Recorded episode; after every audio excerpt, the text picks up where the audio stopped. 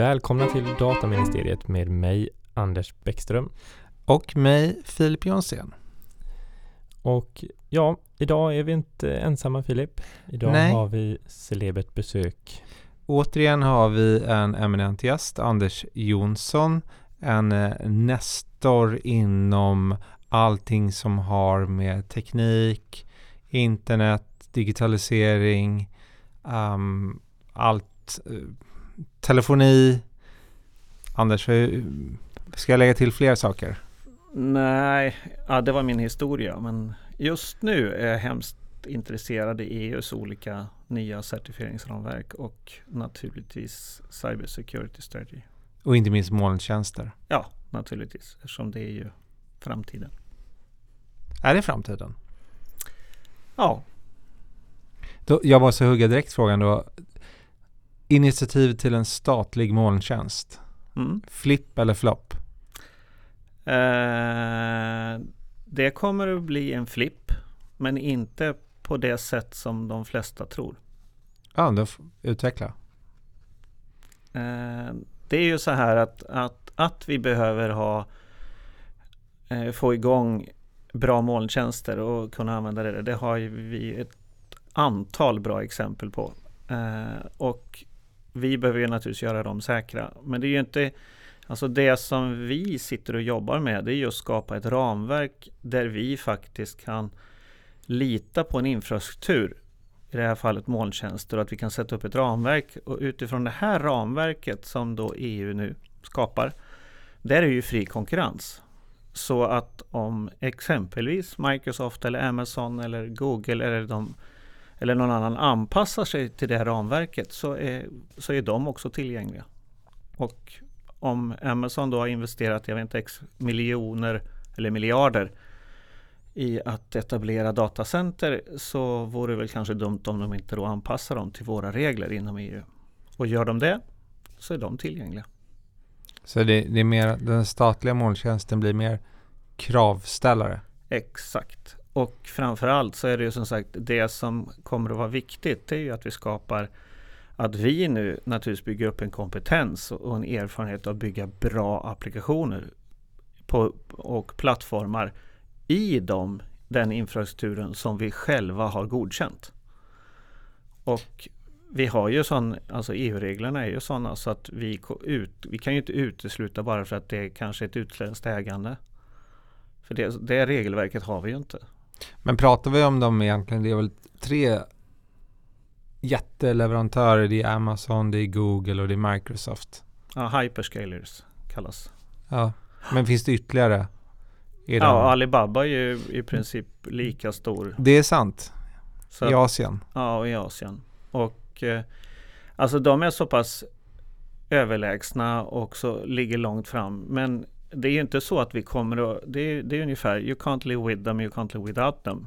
Men vi, kommer, vi måste vara otroligt kunniga för att utnyttja de delarna av den tekniken som de erbjuder ska vi naturligtvis utnyttja för att göra bra konkurrenskraftiga lösningar. Men sen så måste vi vara försiktiga så vi inte ramlar in i den här ska säga, inlåsningseffekten som naturligtvis varje leverantör jobbar med. Man vill ju ha alla kunder, alltså Microsoft och de vill ju att alla kunder bara ska vara hos dem. Men där finns väl också en skillnad mellan de här olika leverantörerna för att de levererar ju en del har ju liksom full paket. Det är som, Ja, som en det. bank typ. Du kan få allt. En del är nischade. Som Amazon är ju mycket, är ju smalare. Ja, och eh, jag tror ju att, att jag menar, om vi nu ska ta det ännu en nivå så egentligen så borde ju USA redan ha delat upp vissa företag. De skulle inte få vara, vara och agera på det här sättet. Sen om det blir så i framtiden, det vet jag inte, för det har inte vi med att göra. Men, men helt klart så är ju Google, eh, kanske Microsoft, de, de är ju nästan för stora. Och det gör ju att de, de bromsar ju upp all innovation. För när de implementerar en tjänst så har de ju tillgång till all information. Och det har ju inte en, en ny entreprenör från Europa. De har ju noll information när de startar. Det, det har varit en del eh, artiklar eller debatter även om andra sociala medier, till exempel Facebook. Och att det är så svårt att starta en konkurrent idag för att man blir uppköpt. Alternativt att de, de här stora har mycket större innovationscenter, att de kan göra något bättre typ jättesnabbt.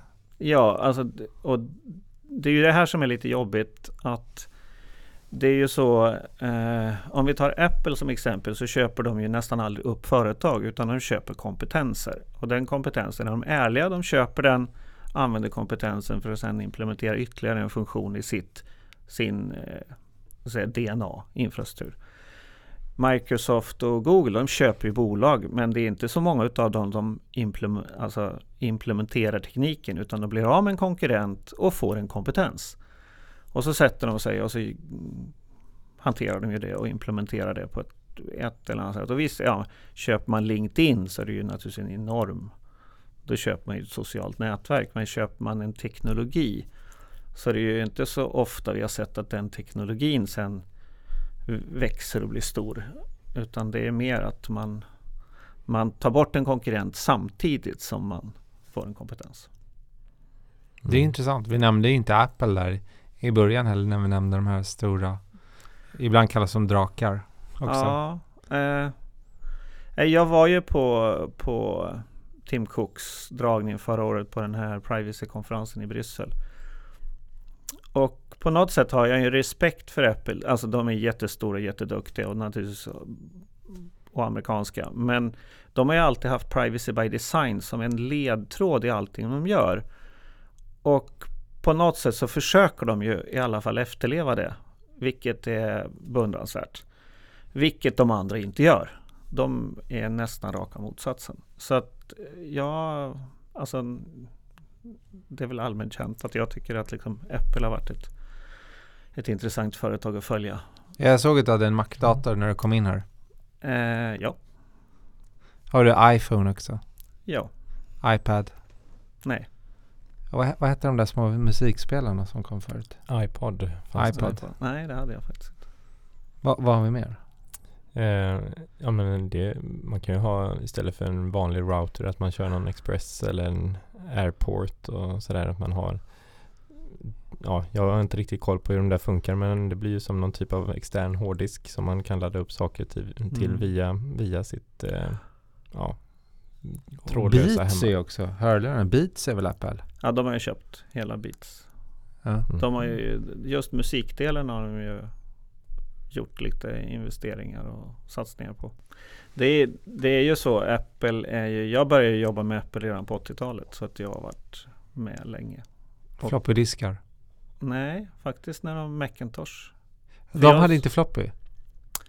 Jo, de hade ju en liten sån där, var de här fyrkantiga som, eh, och så jobbar vi med Tetra Pak för Tetra Pak var de första i stora kunderna i Europa som faktiskt satsade på eh, grafiska gränssnitt och Apples datorer redan på sent 80-tal.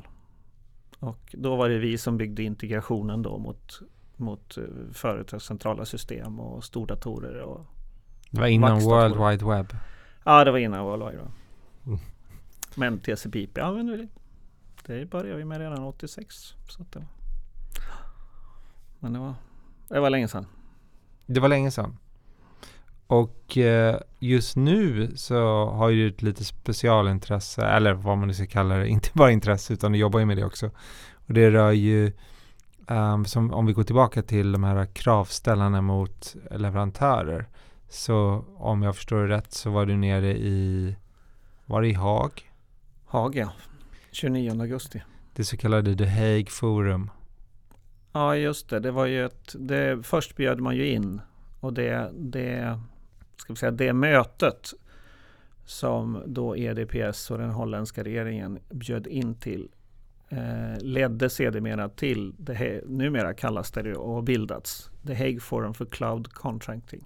Vad var egentligen bakgrunden till det? Bakgrunden är ju egentligen att, att eh, eh, vi inför GDPR eh, och eh, det verkar som de flesta frågade Microsoft eh, stödjer ni GDPR och de säger ja.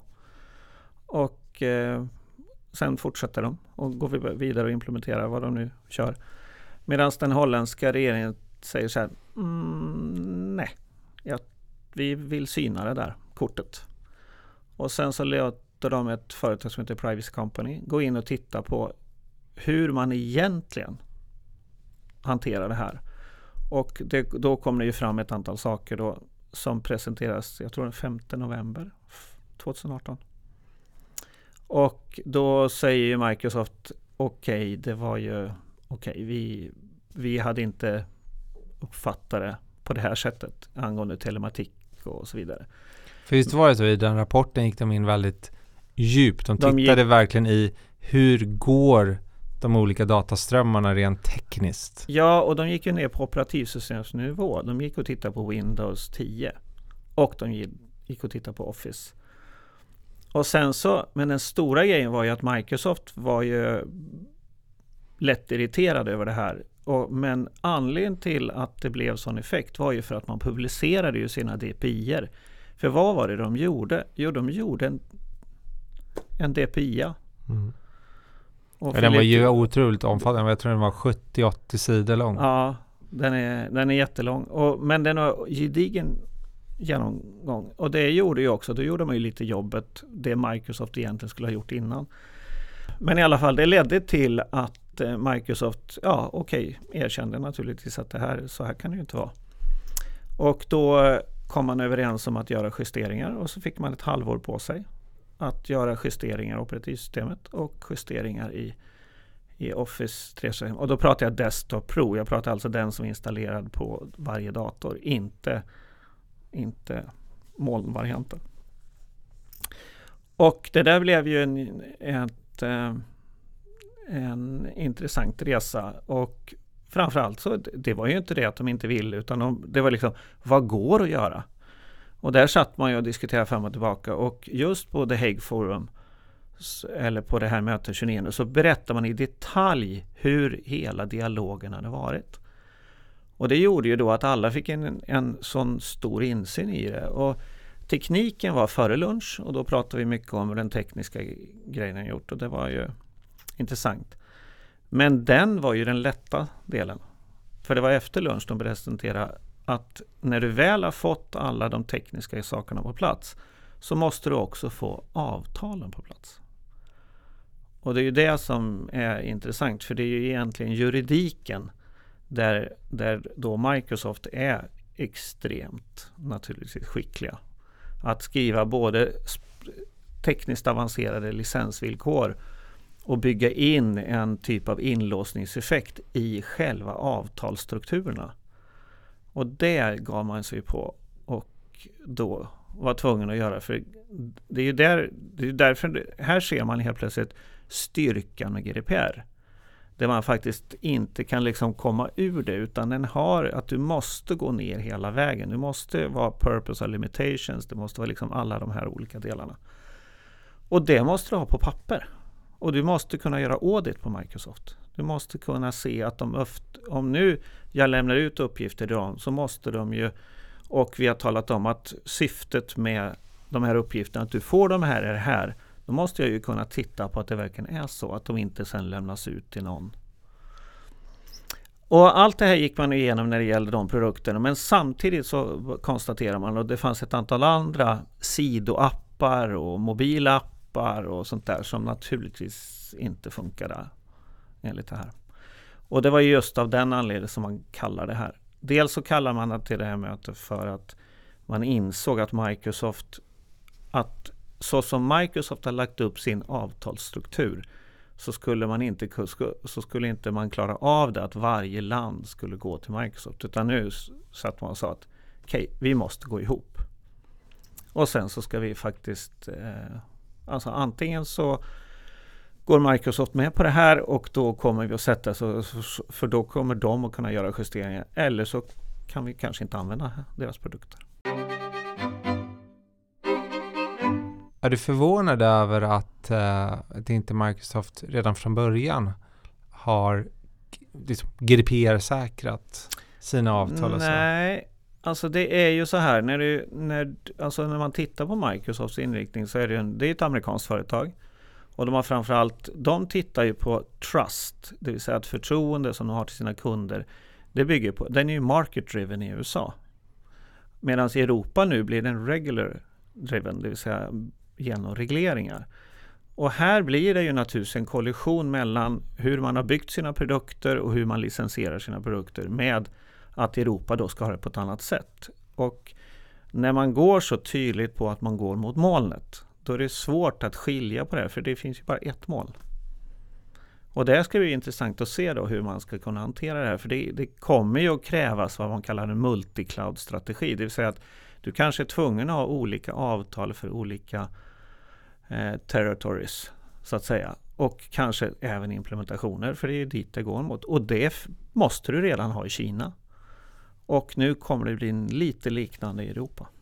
Men äh, bara, vi ska bara tillägga för alla lyssnare att det är inte bara Microsoft. Vi är inte ute efter att sätta dit Microsoft. Nej, nej, nej. Utan inte absolut. det här är den principiella frågeställningen där Microsoft råkade hamna i skottgluggen för Holland. Ja, eller säg, säg så här. Det är ju Microsoft som är särklass störst. Och det är för att de har varit framgångsrika, att de har duktiga, de har bra applikationer och en duktig både försäljnings och supportorganisation. Det är inget snack, de är störst. Och det är ju därför som naturligtvis de blir först. Men nu kommer ju nästa, nu kommer ju samma sak görs ju nu med Google, Amazon och, och även Oracle NetSuite. Jag tycker det är lite intressant när du nämnde vad man egentligen tittade på då under, uh, ja, jag levererade i väl hösten 20, vad är det för år nu? Var det 2018? Ja.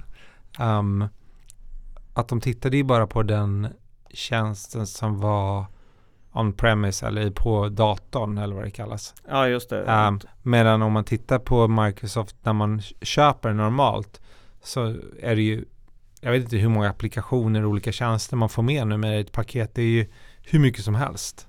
Ja, men jag brukar ställa den här kontrollfrågan. Alltså när man själv har Windows på sin dator. Och sen så då, när gick Microsoft över att ha spellchecken i molnet? Jag vet inte. Vet ni? Nej. Och det är ju naturligtvis ur, ur ett informationssäkerhetsperspektiv en jättefråga. Och jag tror ingen, ingen har svar, kunnat svara mig och säga jo men det var då de ändrade avtalet och helt plötsligt så kopplas jag upp och vad det nu är. Så man har ingen spellcheck om man är offline? Nej, man, man har tagit bort det. Eller det var ju det det fanns förut för då, då levererar man ju ett paket som satt offline. Mm, men, exakt. Men det är ju det här som, som jag tycker är så viktigt. Det är ju nämligen så här att vi pratar ju fortfarande om datorer som är uppkopplade. Alltså idag så finns det inom både militären och andra som använder massor av Microsofts produkter men på privata nät. Och privata nät är ju inte uppkopplade. Och då är det ju ingen läckage av information naturligtvis för då sitter du ju på ett eget isolerat nät. Man får ett här flygplansläge på telefonen? Ja, man kan kalla det precis. Eller det, är ju, alltså det finns ju massor med privata nät. Ja, men vi har ju vårat, våran regering och de har ju ett eget nät. Och sen så har vi ju inom Försvaret har egna nät, naturligtvis massor. Och sen så har vi ju Sita, en av världens största nät, knyter ihop alla flygplatser. Och, det finns alltså, och de är ju inte kopplade till internet på det sättet utan de är alltså de är delade så att säga. Rakel, mm. det som polisen använder är också ett, ett nät som är liksom inte uppkopplat. Så att de produkter du har där når, så i det fallet når ju inte Microsoft det att kunna göra en uppdatering eller någon annan. Och, Vilket både kan vara bra och dåligt i och för sig. Absolut. Också. Men det, det, är ju så viktigt när man sätt, sen sätter sig antingen som jurist eller man tittar på avtal och man tittar på hur man ska hantera sina, sina tjänster så måste ju det här förekomma att man vet hur det här är. För just nu så när man pratar med någon så säger någon så här, nej men vi har inget problem med våra Office. Nej men ni är inte uppkopplade. Mm. Och då blir det, uh, ja men nu är det ju så att om de flesta kommuner, de flesta företag är ju att man har ju sin portabla dator och den är uppkopplad när den, på wifi och så vidare. Eller så fort du kopplar upp den så hittar ju naturligtvis Microsoft den här och sen kan göra en uppdatering. För det har ju du begärt. Oftast är det så när man pratar om just eh, wifi att man, man är lat. Så man har trillat in rutan. Om du kommer till det nätverket igen, koppla upp det av dig själv. Ja. Så att man kan ju bara promenera in någonstans där man har varit, ett hotell eller vad det är. Så helt plötsligt är man uppkopplad utan att veta om det själv. Ja, och det var ju också så med mobilnäten förr i tiden så var ju de inte av den teknologin så de gick att koppla på internet. De var ju inte IP-baserade. De var kretskopplade och det, det här gjorde ju den gamla telefonin då. Och det var ju först när mobilerna då började också använda IP-baserade mobilnät. Då kunde man ju smälta ihop de här två. Och det var ju då allting, då, då blev det ju så att alla som då byggde eh, Eh, ska man säga, säkra nätverk för datorer. Som några gjorde då till företagsledningar och sånt där. Och sen så, så är det personalavdelningen som köper in mobiltelefoner. Som naturligtvis är helt öppna. Och det var ju liksom Så det var ju rätt intressant då. Just ja, 2000-talet där precis efter det. Det var många som inte riktigt förstod att det här var samma nät. Jag, jag förstår inte så mycket av sådana, där grejer så att eh, jag, jag bara ringer. Mm. Ja, vi har ju pratat om det en gång förut att jag är lite Alltså det är, jag följer med tekniken men jag skickar sms och det var uppenbarligen ingen annan som gjorde längre. Alla håller på whatsappar och sånt. Ja, eller Snapchat eller. Ja. Mm. Mm. Nej, jag, jag gillar sms. Mm. Ja, men jag också. Men jag tänkte på det där äh, mötet i augusti. Vad var ehm, resultatet av det? Ja, ja, resultatet blev ju nu att, eh, att eh, man har kommit, man kom överens och startade det här, The Hague Forum for Cloud Contracting. Och det har gjort att man då har centralt nu förhandlat och diskuterat och nu erbjuder då alla länder ett stöd i att faktiskt kunna teckna nationella avtal med Microsoft. Och, men det innebär ju också att varje land måste naturligtvis ha en organisation som kan göra det här också. Precis som man har i Holland. Det är ju den organisationen i Holland som har fyra personer som satt på government som bara jobbar med molnlicensiering. Och sen så är, nu gör man samma sak i många andra av de andra europeiska länderna. De här andra nya bolagen eller det lämnar Oracle-tjänster så. Är det samma fyra eller så är det den konstellationen eller vilka är det som tittar på den? Jo, men det, det blir ju så att de vidgar ju också det här. För att de vill ju titta på att det, man kommer ju inte bara Microsoft och framförallt inte när det blir mer så att säga, man implementerar så att säga, olika egna molntjänster eller när det blir IoT så, så kanske det blir andra leverantörer också. Naturligtvis, eller produkter. Och vilka var det som låg i pipen för att Eh, det som eh, just nu så var de, de tittar på eh, både Amazon och sen så tittar man på, man har påbörjat också titta på Go- Google naturligtvis. Och sen så Oracle NetSuite.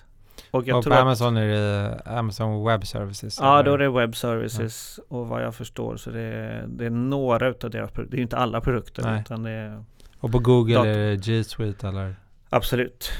Men det är också delar av den andra erbjudandet vad jag har förstått. Och sen har ju vi skickat in lite önskemål om att vi tycker också att de ska titta på de här stateless-plattformarna. För Och vad är de- det? Eh, både Microsoft, Google och, och Amazon har ju så kallade, alltså på Amazon heter det Lambda och på Microsoft heter det ja, typ stateless någonting. Och det är ju otroligt intressant för det är ju dit all utveckling går när det gäller om man ska göra e-commerce lösningar eller det här. Att man aldrig att man aldrig laddar ner det på servrarna utan man jobbar bara i primärminnet med informationen.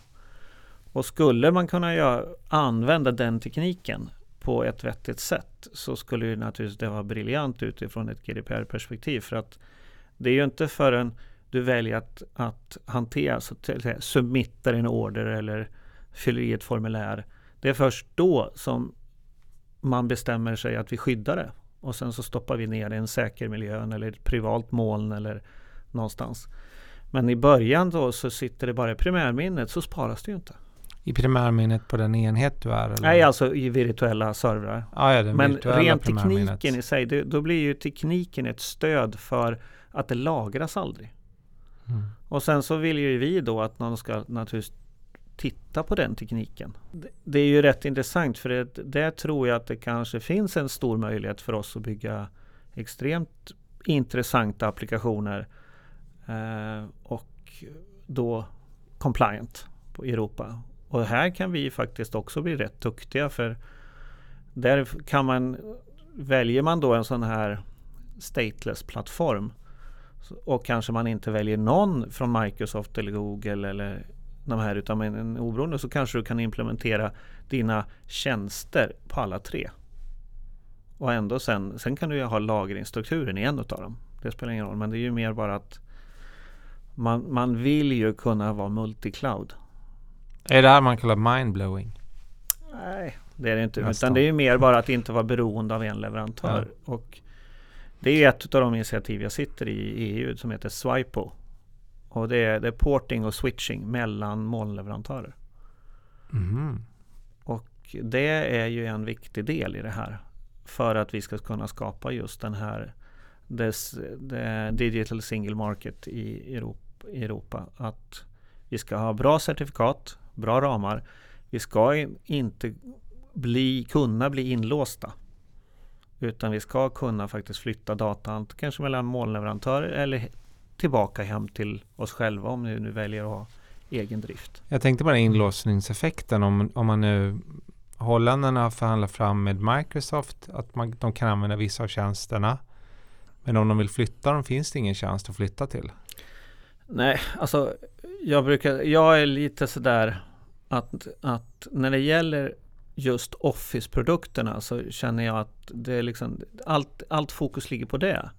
Men om man nu tittar på nyttan med molntjänster så är det oftast de, att du implementerar, du snabbt kan implementera vertikala digitala processer för en, för en kommun eller för en bank eller för någonting sånt där. Och det gör du ju inte i en Office-produkt utan det gör du ju naturligtvis för att jag som användare eller medborgare någonting. Jag vill ju på ett enkelt sätt komma åt någon tjänst någon har.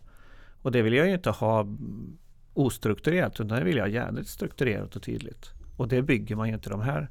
Utan då gäller det för oss att de som då bygger de här eh, bra tjänsterna, de bygger det på rätt sätt in i de här molninfrastrukturerna. Och gör det på ett sätt som inte man blir inlåst ifall helt plötsligt eh, vi får ja, blir osams med USA eller man blir osams med något annat land. Och så har jag en leverantör därifrån. Då vill jag kunna flytta det här på ett sätt som, som gör att jag kan fortfarande naturligtvis ha kvar mina tjänster. Men mm. vid, vid det här mötet diskuterade man någonting om konkurrensrättsligt perspektivet att man nu så att säga godkänt en leverantör medan dess konkurrenter inte blivit godkända? Nej, inte, nej, alltså det handlar ju om att alltså, det är så viktigt att veta här att vi i, inom EU, vi har ju ett antal lagar. Vi, vi, har ju sett, vi vill ju sätta upp ett ramverk för att Alltså att utifrån det här ramverket som vi sätter upp så är det fri konkurrens. Och det här har ju free trade har ju alltid varit en viktig del för Europa. Och det är ju utifrån de parametrarna som vi också, och då, då vad man tittar på nu och kanske den största fördelen som jag ser det med det här nya certifieringsramverket är ju att om du tar ISO 27001 eller all, det finns ju liksom ett 30-40-tal olika certifieringar. Och en certifiering är ju bara att, att kunna visa att jag som har en tjänst, att kunna visa dig som köpare av den här tjänsten att, jag, att du kan lita på mig. Och där, där har ju då nu EU och vi suttit och, och faktiskt gjort att det, vi kan ju inte fortsätta ha det för det är bara de stora som har råd att ha alla de här certifieringarna. Och istället nu så säger vi att vi, nu ska vi skapa en certifiering för EU. För det gynnar små och medelstora företag och startups. Det vill säga att vi sätter upp ett ramverk och hanterar du och supportar du det, då kan du sälja till alla 28 länder.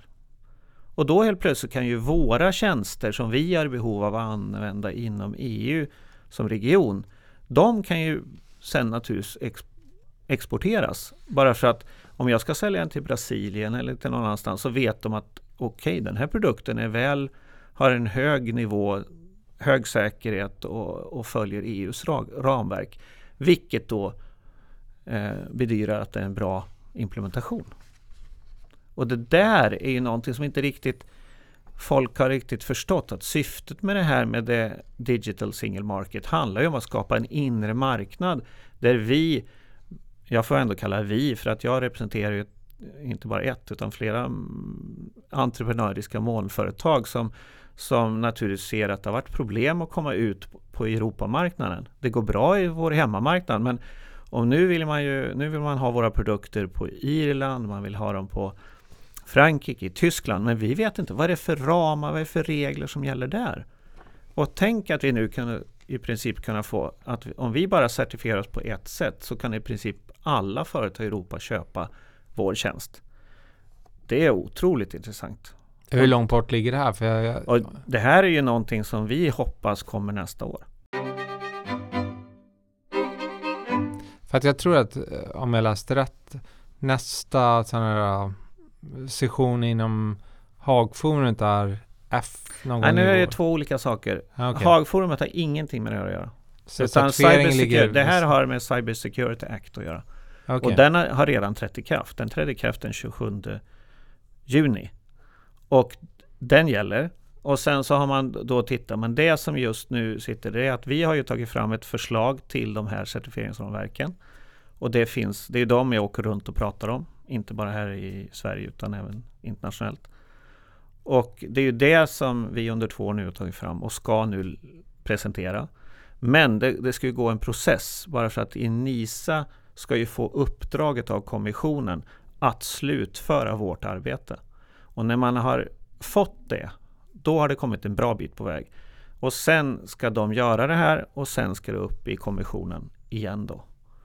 Och så det här är två, två tre steg kvar. Och vem kommer vara själva certifieringsorganet? Ja, det är ju, det är ju rätt intressant för det är ju det är bland annat det som vi har föreslagit att, och det står också i Cybersecurity, att det ska vara ett nationellt certifieringsorgan. Och det man gör är att man ändrar det att vi kommer ha en certifiering men det är tre assurance levels. Förstår ni då att det finns en basic för ett system som kanske inte innehåller så mycket personuppgifter eller känsliga uppgifter. Sen har du substantial, kanske system inom sjukvården eller annat mer inom eh, kommunsektorn kanske då. Och sen så finns det high. Det vill säga att man delar istället upp att det är samma grund och sen så har man tre steg beroende på informations in, känsligheten av information. Men nu pratar vi om den tekniska lösningen. Inte på avtalsstruktur och så. Nej, utan nej, men det blir ju då att i och med att man har då, då får du ju alla avtal på plats genom att du följer det här. Du har ju en, du har ju en som följer det här och då kan du begära att okej, jag vill se vilken har varit utförare. Jo, det är ju i det här fallet eh, Cybersecurity, the National Cybersecurity-myndigheten i Sverige. De har ju utfärdat det här och då har ju ett värdedokument som jag kan visa till en kund i Spanien till exempel. Men skulle inte även de här, om man backar tillbaka bandet till de, de stora leverantörerna också certifiera sig? Absolut, men vi är på samma nivå. Alltså vi kan ju helt plötsligt konkurrera med de största aktörerna. Och vi som små startups.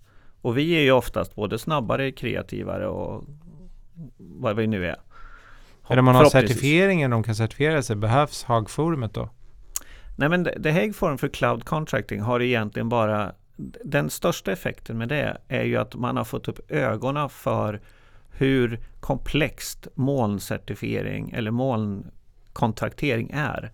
Och nu börjar man ju få, och jag tror, om jag nu tittar om ett år, så kommer vi titta tillbaka på The Hague Forum som en av de här som startade bollen. Precis som Snowden startade att vi fick Cyber Security Strategy en gång 2013. Det var ju någonting som hela tiden diskuterades i EU och man sån där. Och sen så kom ju Snowden och helt plötsligt så var det ju ingen som tvekade en sekund på att vi måste genomföra det här. Och vi behöver alla ha såna här Ja, det, det måste hända något på marknaden som gör att folk vaknar upp och ser Ja men så här vill vi inte ha det. Och det var ju precis det som hände med det här forumet. Så här, Jaha, det här visste jag inte om. Men så här kan vi inte ha det. Jaha, är det så här vi måste jobba? Och det gör ju att helt plötsligt så har man ju fått spelrum för de de andra ramverken som, som cybersecurity. Så jag ställde mig upp på, på mötet den 29 där nere och sa det att om inte ni driver The Hague Forum alltså hårt och ser till att de amerikanska och de här stora hyperscalers verkligen anpassar sig till EUs GDPR och regelverk. Ja, då spelar det ingen roll vilket arbete vi gör sen. Men eftersom de nu gör det så betyder ju vårt arbete den här naturligtvis då blir det jätteviktigt. Och eh, vi vill bara förklara vad är NISAR? För det är inte säkert att alla lyssnare vet. Nej, NISA det är ju det Cyber Security Act som är den tredje lagen i den så kallade Cyber Security GDPR först och så NIS sen och sen Cyber Security Act.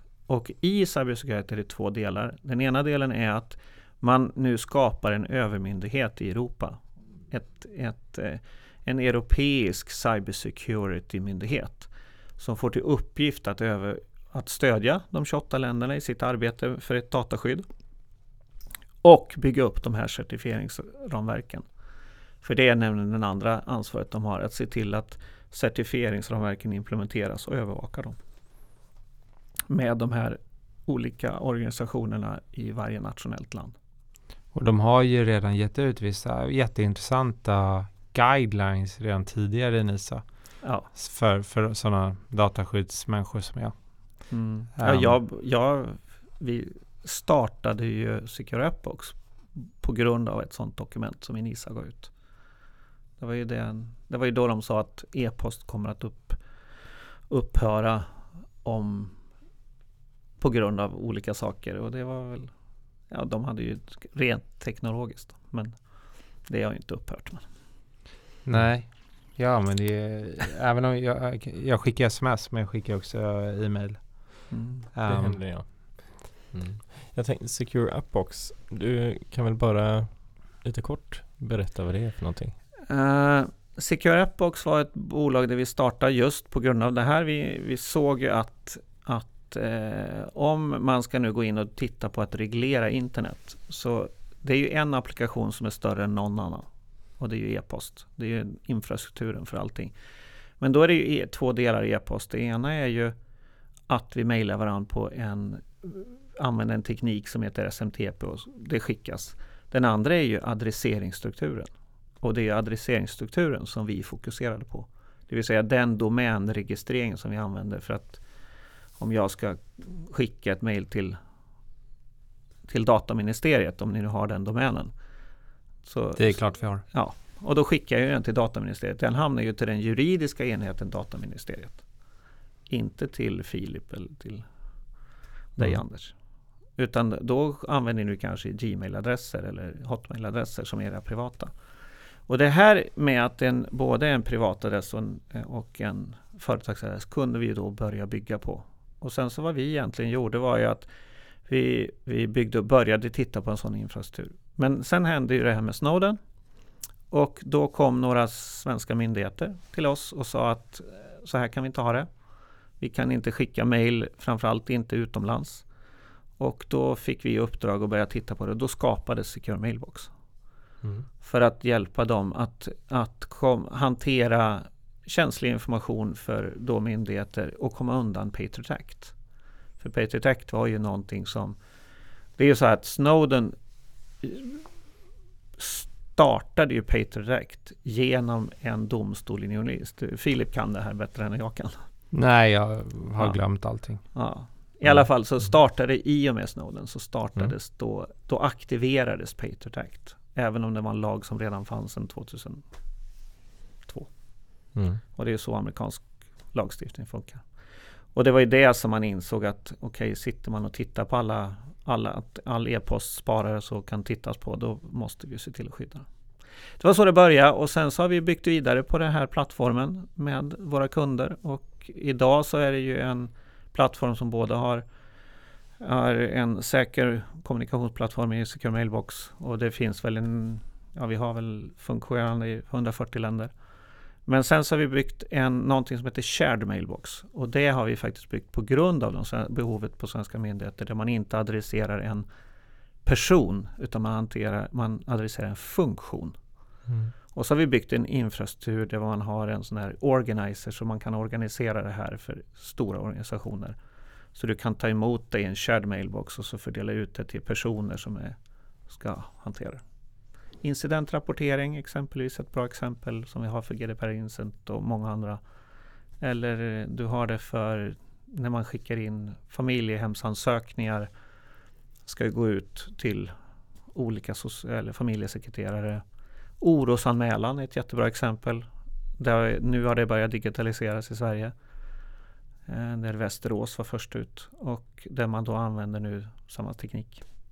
Mm. Och helt plötsligt kan man, för det, informationen är så säker i den plattformen.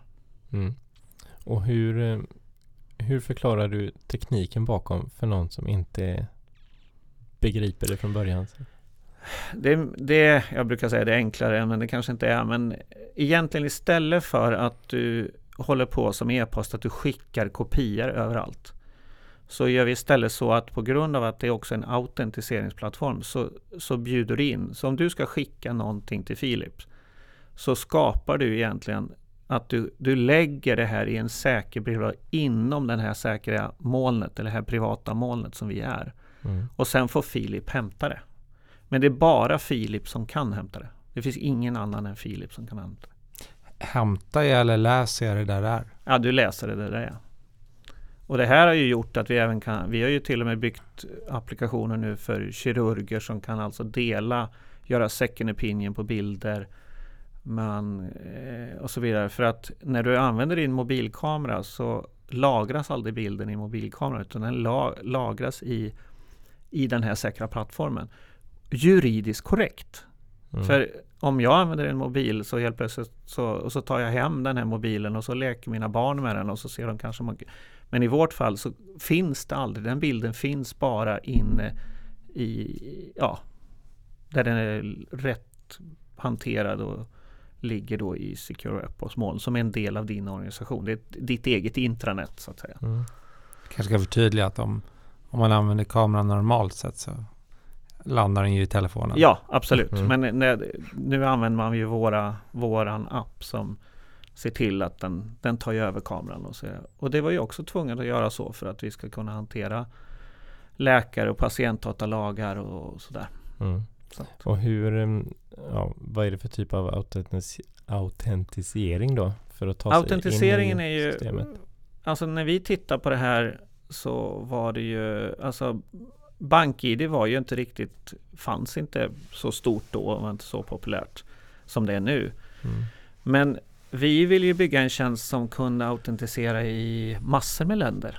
Och därför valde vi ju helt enkelt, vi använder då eh, internets säga, adressstruktur, domän, alltså e-postadressen. Och sen så kopplar vi det till via sms och använder mobiltelefonen. Mm. Och vi gjorde det jättetidigt och sen så har vi hela tiden byggt tjänster på att se till att du alltid kan ställa in du kan alltid vid varje individuellt meddelande välja en extra säkerhetsnivå. Och det här gör att man kan vara hemskt Alltså om man nu hanterar känslig information och konstaterar att den här är klassad på ett visst sätt. Ja, då vet jag vilka Då kan jag klicka i så kallade send options. Så då skyddas informationen enligt GDPR eller enligt på det här sättet. Mm. Och det gjorde vi ju så att vi i grunden använde vi just alltså begreppet stark autentisering på alla. Så alla i hela plattformen är alltid starkt autentiserade. Sen kan man ställa, upp, ställa in olika alltså skyddsnivåer beroende på hur man klassar datan. Mm. Och sen så då efter det har vi ju då också byggt API så att man kan då bygga formulär och ansluta. Vi har ju anslutit så att man kan ta bort faxar och allting sånt där. Så att det har blivit, det börjar bli rätt stort. Eh, tjänsten. Är, fa mm. är faxen död? Mm, ja. Det är ju egentligen inte den, i Tyskland eller? Nej, jo det, det, är den ju. Om inte annat det är ju GDPR som tar död på den. Inte, inte själva funktionen. Men det var ju så att innan Innan vi hade GDPR så, hade, så var ju faxen det enda säkra sättet vi var, fick handlingar. För man fick ju inte skicka med post. Enligt våra dataskyddslagar sedan 1995. Så att eh, då var faxen vårt säkra alternativ men eftersom den inte implementeras på rätt sätt utan står uppe i en reception eller sånt där så naturligtvis klarar inte GDPR. Men jag vet att är många länder, alltså det låter helt sjukt, men de fax är fortfarande jättestort. Ja, det, alltså det är ju en etablerad, det är ju en koppartråd. Så att det är ju, har man dragit koppartråd hela vägen så finns det ju fortfarande. Men i Sverige plockar man ju nu Telia, de tar ju bort koppartråd. Nej, det är inte Telia, det är tjuvar. Ja, just det. så att eh, man, man lägger ner dem och bygger då på fiber. Mm. På tal om det har jag hört mo att, nu, mobilt. att tjuvarna numera går på, vi har ju till exempel kopparhängrännor och stuprör på huset. Så de lär man bli av med snart. Mm. Få se till att de ser ut som plast. Ja. ja. Men eh, av ren nyfikenhet annars då så skulle fax ändå vara alltså, ganska safe egentligen just Alltså tittar du på de här kryptofaxarna som militär och andra har så är det ju en teknik som naturligtvis skulle alltså funkar på ett sätt. Men du måste ju fortfarande låsa in faxen i ett slutet rum där du har passerkontrollsystem. Så att det är massor med annat. Och då tycker vi att det är ju rätt korkat om du istället kan bygga samma struktur i en säker molntjänst mm.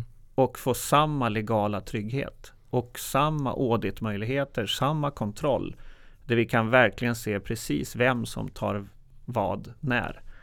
Och vi kan alltid gå tillbaka spårbarhetsmässigt. För det är ju, ja, det, det, är det säkerhet handlar om. Jag har jobbat på ställen där man har kryptofaxar. Och jag minns regelverket runt det och de var ju inlåsta och man skulle ha speciella formulär man fyllde i för att skicka ett fax till en annan myndighet som hade ett kryptofax. Mm. Och ja, det var ju en enormt maskineri. Man, man drog sig för att skicka ett kryptofax. Så kan man konstatera. Det var nästan så att det gick fortare att åka över till myndigheten och prata ansikte mot ansikte med den här personen. Ja, det, det, finns ju ett initiativ nu som SKL har tagit eh, som är intressant. Där man pratar om SDK. Ni kommer kanske ha, höra det framöver. Och då är det ju ett sätt tillsammans med DIGG där man försöker nu bygga en, ett gemensamt ska vi säga, växel för utbyte av dokument och information. Så att det gör att om vår tjänst till exempel Secure Appbox kan koppla upp sig dit om det nu en annan myndighet som har valt en annan plattform. Och sen så, eller de har kanske ett eget system som de ansluter. Så då kan vi skicka, då adresserar vi bara till dem och sen går det igenom den här växeln och så kommer det ut på ett, i deras system i rätt format. Men SDK är säkert? Vad sa du? Är det säkert? Ja, alltså det kommer ju vara en, det kommer ju vara en tjänst som är krypterad hela vägen, end-to-end. Och det, det är ju någonting, alltså det här är ju bara i sin linda nu. De har precis tagit fram första prototyperna och vi har ett, det är ett viktigt möte nu 11 december. Som, men det, det, är ju, det är ju dit vi måste. Vi måste ha en adresseringsstruktur där man kan kunna få upp att jag behöver skicka det här digitala dokumentet till polisen. Då ska det inte vara att då ska man kunna få upp polisen i Sollentuna eller polisen i Göteborg eller vad det nu är. Och det är ju, vi måste ju skapa en gemensam katalog. Och någon ska ju underhålla den och sen så ska det ju vara så vi kopplar dit våra system. Och det är det den här är. Och får vi till det, ja då kommer det att lyfta. För då kommer vi få till kommunikationen mellan alla våra myndigheter och, och sjukhus och allting sånt där. Och det, det är ju, vi skulle ha haft det för fem år sedan. Det är faktiskt ganska intressant för att Datainspektionen släppte ju sin nya incident eller rapporten om incidentrapporter. Ja. Och ett av de vanligaste felen är ju att folk skickar e-post fel. Ja. Antingen att man skriver in fel adress eller att man kanske skickar till eh, man, typ reply all ja, eh, och alla möjliga olika varianter. Så mänskliga misstag med felskick av olika varianter. Fel bilaga kanske också. Ja, men, men det är ju därför vi, alltså det är ju många som sagt, ja men varför integrerar ni inte er plattform direkt i Outlook? Just på grund av den här anledningen. Alltså vi, vi har ju haft så mycket användare runt om så det vi helt enkelt konstaterar att, att gör vi det, lägger vi in den här i den här, då kommer användaren inte ha en aning om om, ska jag skicka den säkert eller ska jag skicka den krypterad eller ska jag skicka den... Ja, Mm. Då kommer det garanterat bli fel. Utan nu har vi ju valt att helt enkelt, du är tvungen att lämna den här eh, Jag kallar ju e-post för ett socialt nätverk för det är vad det är rent tekniskt och skyddsmässigt. Så då lämnar du det för en säker miljö och den här säkra miljön, där vet du att du kan använda och, och kommunicera. Då kan du hantera känsliga, in, känslig information och sekretessbelagda uppgifter och så vidare. Och då får du inte det här problemet. Och det är det här vi rekommenderar då alla göra. Att ni ska, kan absolut ha kvar er Microsoft-plattform och, och Office 365. Men ni behöver komplettera med en sån här säker miljö.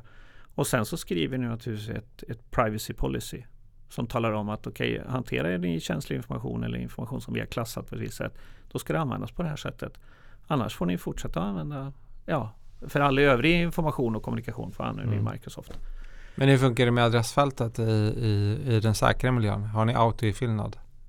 Eh, Eller väljer man från någon, sina betrodda mottagare? Ja, det gör du. Men det är ju, sen måste ju de vara säkrade. Du måste, du måste ha varit i kontakt med dem. Annars så kommer det komma upp en liten ruta som talar om att okej, okay, den här måste du veta en faktor till om. Så du, du gör det inte, alltså du gör det inte av misstag. Det kanske man kan ändå, det är väl klart man kan, men, men det, det är fortfarande inte så att vi vet att någon har de problemen. Just på grund av att det, det finns en tillskyddsmekanism i det här inbyggt. Ja, är det någon myndighet eller någon användarorganisation som har haft en tillsyn? På det? Uh, alltså där de råkar vara att de tittar på eh, nej, alltså AB-kommunen och de råkar använda den här lösningen.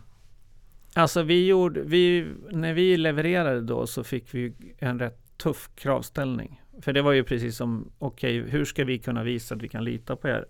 Då valde de ju helt enkelt att alla de nyckelfunktioner de hade så lät de en oberoende säkerhetsklassad personal titta på och då ville de ha kodreview på det. Och det är i princip det högsta du kan få. Och då erbjuder vi dem att komma in och titta på vår källkod. Att den verkligen uppträdde på det här sättet. Och det är ju, ja, det kan du ju göra som liten och vi, vi, vi har ju ingenting att dölja så vi visade ju det här och sen publicerade vi det här också. Bara för att man ska kunna ta del av det dokumentet. Inte koden gissar jag? Nej, inte koden. Utan det är ju ett annat sätt att göra det på. För att det finns ju, man pratar ju om, om eh, publik källkod och att man ska använda open source. Du kan ju också göra så att du helt enkelt publicerar att du låter det att någon tittar på det här också. Det är också ett sätt att skapa ett förtroende att det inte finns någon hidden agenda någonstans. Jag har alltid funderat på det där med öppen källkod ur säkerhetsperspektivet eftersom jag inte är tekniker. Så för mig känns det att ja, vi byggde en hel plattform på open source. Okej, okay, men då vet ju alla hur den är byggd. Mm. Men, det känns väldigt farligt. Nej, alltså jag, jag, kan ju säga att vår plattform är delvis byggd på komponenter som kommer från naturligtvis open source. Men det är ju sen att när vi plockar ihop de komponenter och bygger den här till en slutgiltig produkt så är det ju som sagt, då använder vi dem ett, ja, olika ska säga, ramverk. Och de använder vi ju, men sen är det ju som sagt, det, det, är ju någonting som vi underhåller och vi talar om eller när man vill titta på det så kan man ju se det. Men sen är det ju att den applikationen är ju ändå byggd. Det är, det är alltid de utvecklarna som har byggt det här som egentligen, alltså det är de som, du måste gå in och titta och alltså kodgranska för att verkligen se vad som händer. Och det, det här gör ju då att eh, oftast är det ju lättare kanske att, att eh, och förtroende att få titta på ett lite små och medelstora företag än att fråga Microsoft om kodreview. Det tror jag inte ens. Det finns ju inte naturligtvis. Nej. Så att jag tror ju mycket på det här att ska vi nu bygga upp kompetens i Europa så måste man dels måste man ju börja våga köpa system från mindre leverantörer i Europa. Eh, så, att man, så att vi då kan få förtroende och så kan vi vidareutveckla våra produkter. Och så då, får vi ju, då bygger vi upp en kompetens. Och med takt med att vi bygger upp en kompetens så kan vi ju sen naturligtvis bli konkurrenter eller sådana som kan vara med och, och, och finnas på en större marknad. Men om man fortsätter och köper och licensierar bara amerikanska produkter, jag menar, då finns det ju, då finns det ingen kompetens kvar här. Men om man, om man, det här är en produkt som, som ni har. Ja. Finns det motsvarande på helt andra områden? Som man, hur skulle man gå bort från till exempel Word eller Google Docs? Nej men ja, nu är du ju tillbaka till de här med Office-programvarorna och det finns ju LibreOffice, det finns ju ett antal alternativ och jag, jag tror ju inte folk börjar titta på det här förrän man börjar titta på priset. För det, det kom, alltså när de börjar skruva upp priserna så kommer det bli dyrt. Och du har ju ingen kontroll på licensieringen om du, om du sitter inne i en Alltså du gör allting på Microsoft. Då får du ju förvänta dig att du får en faktura som du ju faktiskt inte känner till nästa år eller året på. Eh, Medan om du köper de här så har du ju en Då kanske du investerar i någonting som du verkligen vet vad det kommer att kosta. Jag tänkte mer att eh, om man vill, okej okay, nu vill vi mejla säkert, man kan ha, ha den här Mm. tjänsten som ni levererar. Vi vill eh, skriva våra hemliga patentansökningar säkert. Vi Mm. vill, alltså man vill göra massa olika saker på en normal organisation. Men man vill inte ha, eller ha 40 olika leverantörer för alla de där applikationerna. Nej, och alltså det det är ju som jag själv, alltså jag i och med att jag kör, har en Mac så har jag ju Page Numbers och Keynote. Det vill säga jag har motsvarande applikationer som Office. Och eftersom jag inte använder Outlook utan jag använder ju alltså i det här fallet Gmail. För vi använder det och kompletterar med Sec- alltså Secure Mailbox. Eh, så spelar ju, alltså var jag skapar mitt dokument är ju Ja, ibland använder jag Page, ibland är jag Word Eller vad det nu är. Men Alltså där jag ser styr, där Microsoft är nästan oslagbara är ju naturligtvis på Excel. Den är, ju- där är de ju och naturligtvis de som bygger avancerade mallstrukturer i Word. Det är också, för då har de ju byggt applikationer. Men bara för en vanlig användare så är det ju ingen skillnad. Alltså jag använder så lite av Word eller Pager och jag kan använda LibreOffice också. Så allting handlar ju om att när man väl tar de här plattformarna som är så avancerade idag så handlar det om vilka Alltså att man börjar bygga funktioner som underlättar för sina användare och börjar du bygga dem i Excel, ja då har du ju naturligtvis då måste du licensiera Excel. Men bygger du dem i en annan så att säga low-code-plattform så, så har du kanske en helt annan distributionskostnad. Det kanske inte kostar något att distribuera den. Och det är det här som man måste lära sig när man pratar om molntjänster. Vad är det total cost of ownership? Och det här har man inte liksom hängt med alls. För att du har ingen kontroll på att, att Microsofts olika C1-nivå, C2-nivå, C3-nivå, jag kan inte alla de här. Alltså att hur gör man och hur kommer de att skruva på det här? Och hur beroende? Jag, det är ju så. Det här kan Microsoft. Och de, kan, de gör ju det. Det är ju, det är ju det de är duktiga på. Att låsa in dig avtalsmässigt. Så att du inte byter leverantör. Men finns det ett problem eller en utmaning brukar man ju säga i att det är helt olika typer av människor. Jag är själv jurist, Anders är jurist. Ja. Ehm, och vi läser avtal på ett sätt men själva egentligen innehållet i avtalet vi läser ju orden så att säga. Ja, Ehm, och typ massa olika varianter, indemnification och clauses och allt vad det heter. Men vi har ju inte den djupa kollen på det du nämner nu. Ofta så är det, vad betyder det i tekniska världen? Jo men alltså titta nu. Du har några utvecklare som utvecklar en produkt. Vi tar Word som ett bra exempel. Och de utvecklar den och den funkar på ett visst sätt. Sen tar ju juristen och tittar på. Okej, den här funkar på det här sättet. Hur bygger jag ett avtal nu med dig som användare så att du aldrig slutar använda den här? Det är ju, det är ju deras jobb. De kan inte koda, men de kan skriva avtal. Och det är en helt egen division. Och det är det här man måste förstå att Alltså entreprenörer, de skriver kod och så bygger de en produkt och så ska någon göra något avtal och så ringer man någon advokat och frågar kan du, kan du komma över och skriva någonting som heter Terms of Service? Jag kopierar något. Det vill säga, alltså på den amatörnivån är man när man är precis i sin grund. Sen låter man ju advokater börja titta på det. Då måste man ju titta på, okej, okay, vad är syftet med det här avtalet du tecknar? Och då måste man ju titta på det. Och sen så när man börjar titta på det, ja, vi ligger med pipeline att vi har om tre år så kommer vi lansera de här. Då måste jag ju bygga avtalen på Word för det som kommer om tre år. Mm. Det är ju mm. det man gör. Och det är det här som inte folk förstår. Och när de gör det uppe i ett moln, då syns det ju inte. För att det är också med en molntjänst kontra en, en, en sån där att när du väl installerar den på en dator, då kan ju du kopplar aldrig upp den, då, den fungerar ju. Men i moln så har de helt plötsligt lagt in fem nya tjänster. Och det är ju, det, det är ju därför vi tycker den är bra. Men hur juridiskt hanterar vi det här? Ja, jag, jag, inte, jag har ju hela tiden sagt att vi, vi eller ni jurister behöver, bli, behöver verkligen bli duktiga på det här. Och det är det här som vi såg när man kommer ner till Hague Forum 29 augusti så ser man hur de här juristerna i Holland hade liksom gått ner på allra, allra djupast nivå och till och med fick Microsoft att ändra sina avtal där de kunde poängtera att här har ni skrivit fel eller här har ni gjort fel. Men det är ju så att de skriver ett avtal som hela tiden hänvisar till ett annat avtal som hänvisar till ett tredje och så vidare. Men man tittar ju på vad är syftet med avtalen? De har syften och en långsiktig strategi med avtalet.